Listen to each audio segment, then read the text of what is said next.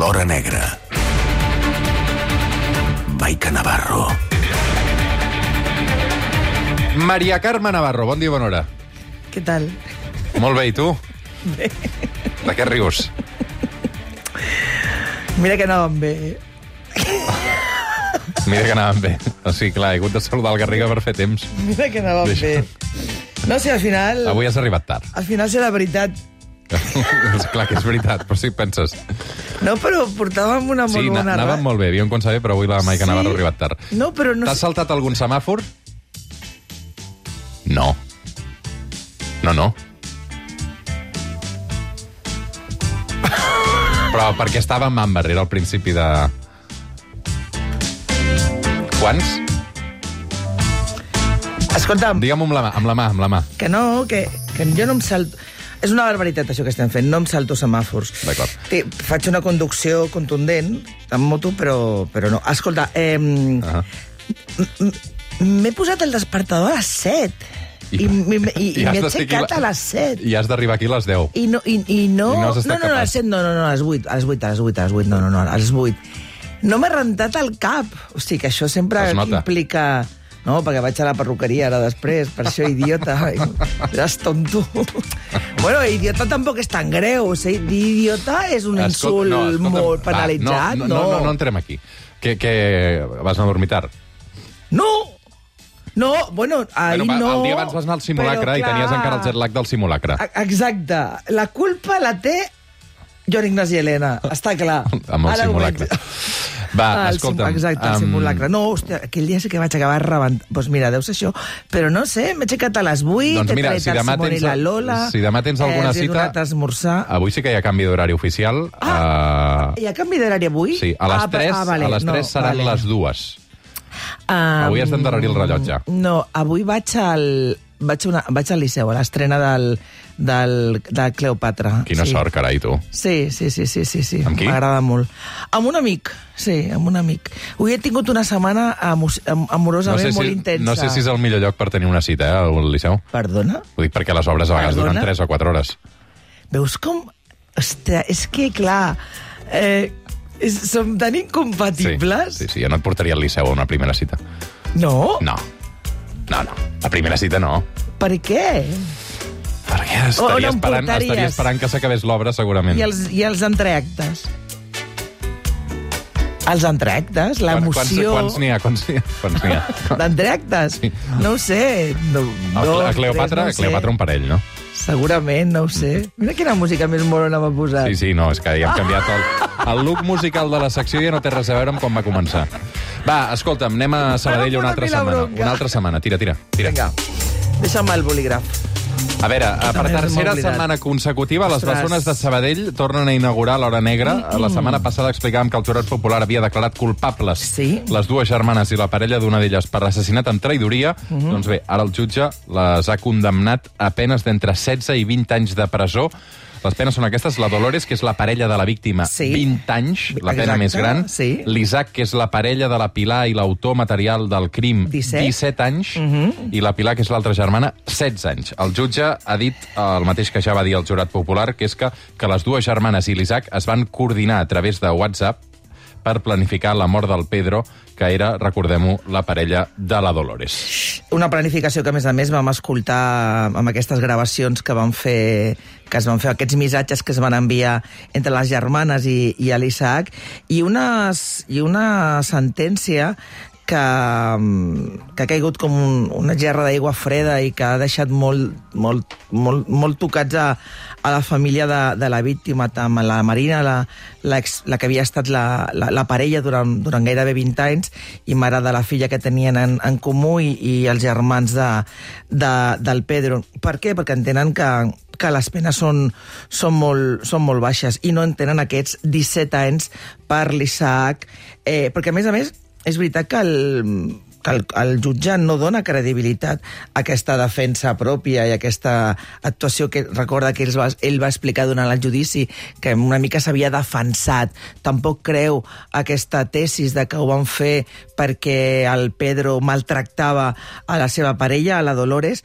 i aleshores no, no, no entenen que, que només siguin 17 i, i 16 anys. És cert que en una situació com aquesta cap condemna i cap, i cap i cap número, cap xifra eh, consola la pèrdua i amb una pèrdua amb aquesta violència i amb aquesta, amb aquesta actitud i, i, i, i perquè ho hem parlat moltes vegades, no només la sang freda, sinó la manera en què van planificar el crim, com si, com si estiguessin jugant i en realitat estaven planificant acabar amb la vida d'una persona.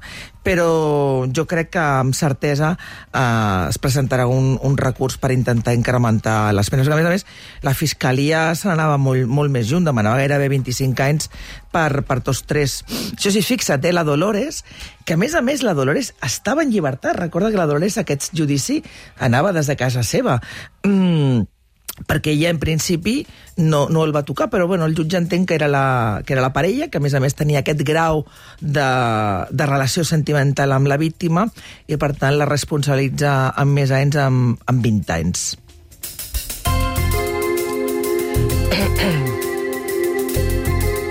Tema tancat de les bessones de Sabadell. Sí, esperant aquest recurs que ja, jo crec que, que amb seguretat es presentaran. I, bueno, I un cop es veieixi la sentència, bueno, ja, ja en el moment que el jurat popular els va declarar culpables, la Dolores ja va ingressar directe, tot i que va anar des de casa seva, ja directament des de l'Audiència de Barcelona va marxar cap a, cap a la presó. Més qüestions. Aquesta setmana hem anat coneixent detalls de la investigació sobre el científic de l'Institut d'Investigació Biomèdica de Bellvitge, Sí. que va morir per la mateixa malaltia que estava investigant. Uh, expliquem una mica què va passar, perquè la víctima es diu Frank Llorenç, era Sí. neurocientífic i va arribar Sí.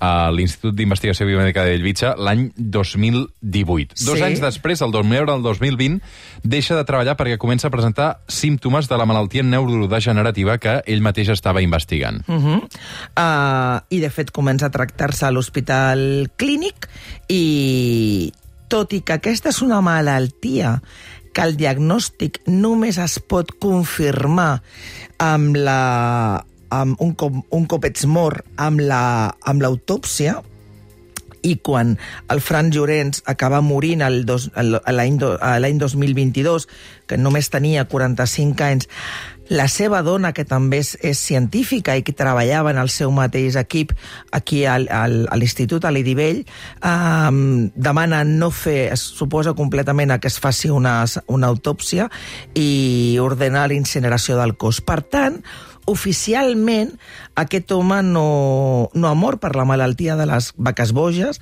sinó que, que és com el nom com es coneix uh, popularment, sinó que, uh, bueno, s'ha mort amb una malaltia que té uns símptomes compatibles amb aquestes, amb aquestes vaques boges. En qualsevol cas, Fa dues setmanes, el, el diari El País, els companys del País, uh, i em perdonarà el company, que ara no recordo el...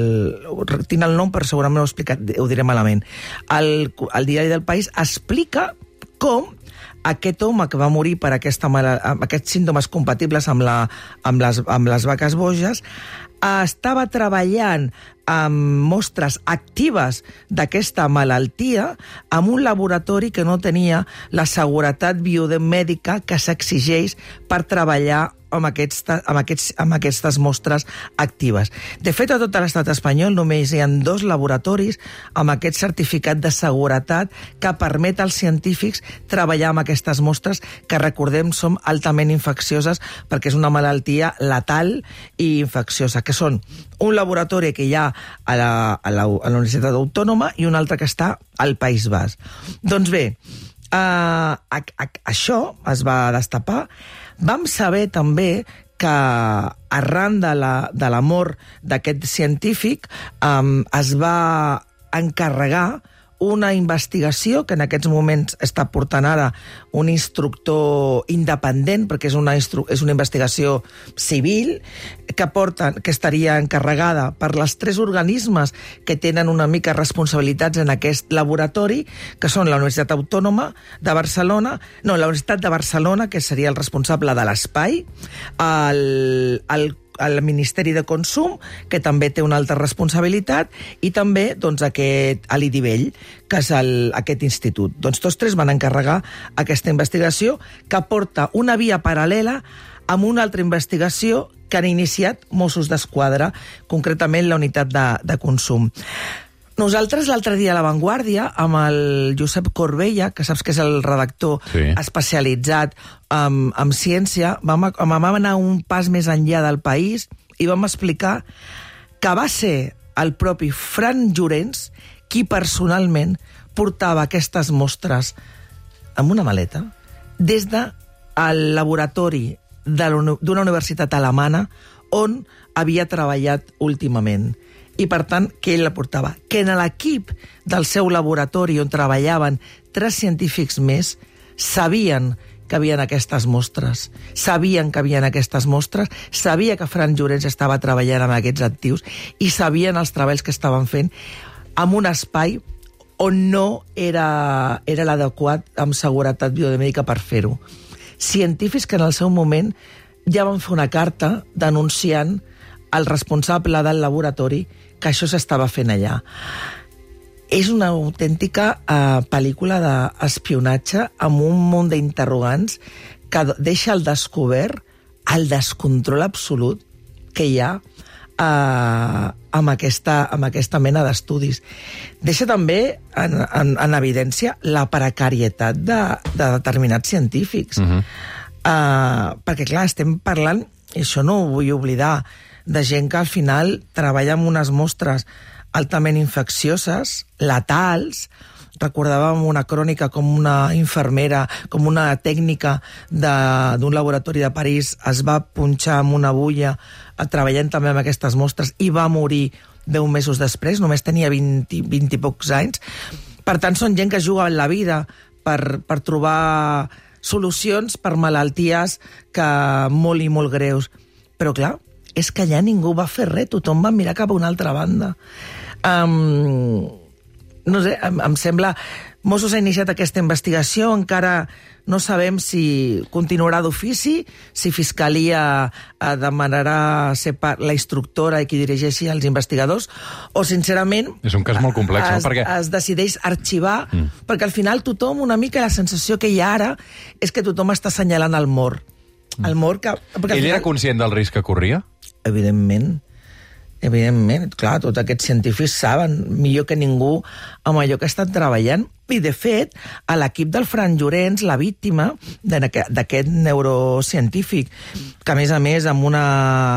tot i la seva joventut, que només en tenia 45 anys quan va morir, tenia molta obra publicada a revistes científiques, eh, hi ha fons que asseguren que havia una lluita mm, per aconseguir eh, accedir a ser nomenat o, o, ser, o tenir alguna aspiració al Nobel amb determinades investigacions, mm, el que expliquen és que fins i tot el seu equip havia demanat, i això també ho vam explicar al diari, fins en tres, tres ocasions a la direcció d'aquest Idivell poder treballar amb aquestes mostres de, de, la, de, la, de la malaltia del Creutzfeldt-Jakob, aquestes que anomenem, anomenem popularment com de les vaques boges.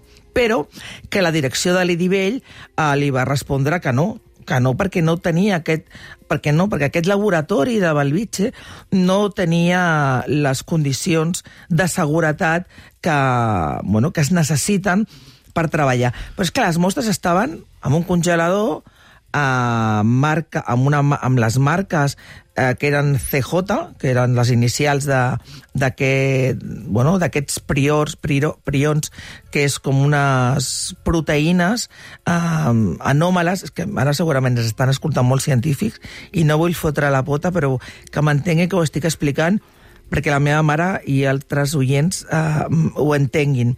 En qualsevol cas, no hi havia seguretat. Aquest home és, és cert que no es pot confirmar, mai es podrà confirmar el diagnòstic de la seva mort i també una altra línia d'aquesta història és que la viuda d'aquest científic, insistim, també una altra investigadora que, perten, que formava part del seu mateix equip, va presentar una demanda per l'honor contra el director del laboratori, contra el que era el jefe del seu, del seu home i d'ella mateixa, perquè la vida no vol que ningú digui i que el seu home va, va morir d'aquesta malaltia. No sé, és... Clar, també això provoca... Rec- doncs mira, tinc un col·lega que el seu fill està treballant infecciosos a Belvitge, que ha guanyat el Miri aquest any, i deia, ostres, mm, quina capacitat té això de- d'infectar, de, de provocar problemes en la salut pública. Bueno, en principi, i això ho recordava el Corbella, Mhm. eh, es necessita un contacte directe amb aquestes proteïnes i amb aquestes mostres i per tant les mostres no van sortir d'aquest laboratori i només les van manipular aquests científics. També, clar, hi ha una responsabilitat paral·lela de la Universitat d'Alemanya. Quina mena de control hi ha unes mostres infeccioses que es passegen per Europa amb un maletín sense control? Com és possible que la Universitat Alemana deixi, eh, deixi sortir d'un laboratori un científic amb, amb aquestes mostres? És, és realment apassionant. Sorprenent, sorprenent. Sorprenent i amb molts interrogants. Història La història del Frank de- Llorenç, el neurocientífic que va arribar l'any 2018 a l'Institut d'Investigació Biomèdica de Bellvitge i que ha acabat eh, morint um, investigant eh, víctima precisament de la mateixa malaltia que investigava. Maica Navarro, gràcies per Va acompanyar-nos ser aquest el que va dissabte. morir, per exemple, d'aquesta malaltia, sí que se li va fer el doctor va ser el que li va fer l'autòpsia, va confirmar i mai es va saber com s'havia encomanat, perquè un percentatge molt, molt, molt, molt, molt, molt petit hi ha, un, hi ha un, un origen absolutament desconegut. Mm. Parlant d'autòpsies, demà al suplement a les portes de Tots Sants, el forense Narcís Verdalet. Ostres, li ha fet un llibre a la Tura Soler. I el Manel Elias és a punt d'estrenar programa a TV3, que té una pinta extraordinària. Ah, sí? De mo- de- de el forense, es dirà el forense. Ah, ah sí? Sí, sí, amb el Manel. Elias i el Narcís Verdalet, que és un personatge que jo no coneixia, i vaig Ah, quedar impressionat. clar. I amb una veu que et Va, captiva. sí, sí, sí, Aleshores, sí, demà a sí. dos quarts d'onze matem aquesta conversa. És que els morts eh, diuen moltes coses. Sí, sí. I els morts... Eh, L'autor de l'autòpsia cerimònia... de Dalí. Sí, la, la, aquesta cerimònia... L'autòpsia i l'embalsa- l'embalsament de Cada Dalí. forense té el seu ritual, però hi ha molts forenses que quan s'enfronten davant de, del cadàver d'un mort que ha mort precisament amb causes criminals, eh, hi ha uns moments de silenci, de, de, de preguntar-se en veu alta qui t'ha fet això, per què, quan i com? I les respostes només les té aquest cadàver i la capacitat del forense i la seva habilitat per aconseguir respostes que són imprescindibles pels investigadors. Una mala autòpsia a vegades eh, provoca uns males, unes, dolen- unes condemnes no, no justes. Demà a partir de dos quarts d'onze el Narcís Verdalet al suplement Maica Navarro. Ja m'has moltes, perdonat? moltes gràcies per... eh, Ja sí, ja no ve d'aquí. Ja, no ja vols, ven- vols venir amb mi al Liceu un altre dia? Mm, Ja en parlarem. Uh, fem una pausa i el clàssic, amb la Laia Tudel, el John Carlin i el Xavier Aldecoa. Que presenta llibre. El suplement, amb Roger Escapa.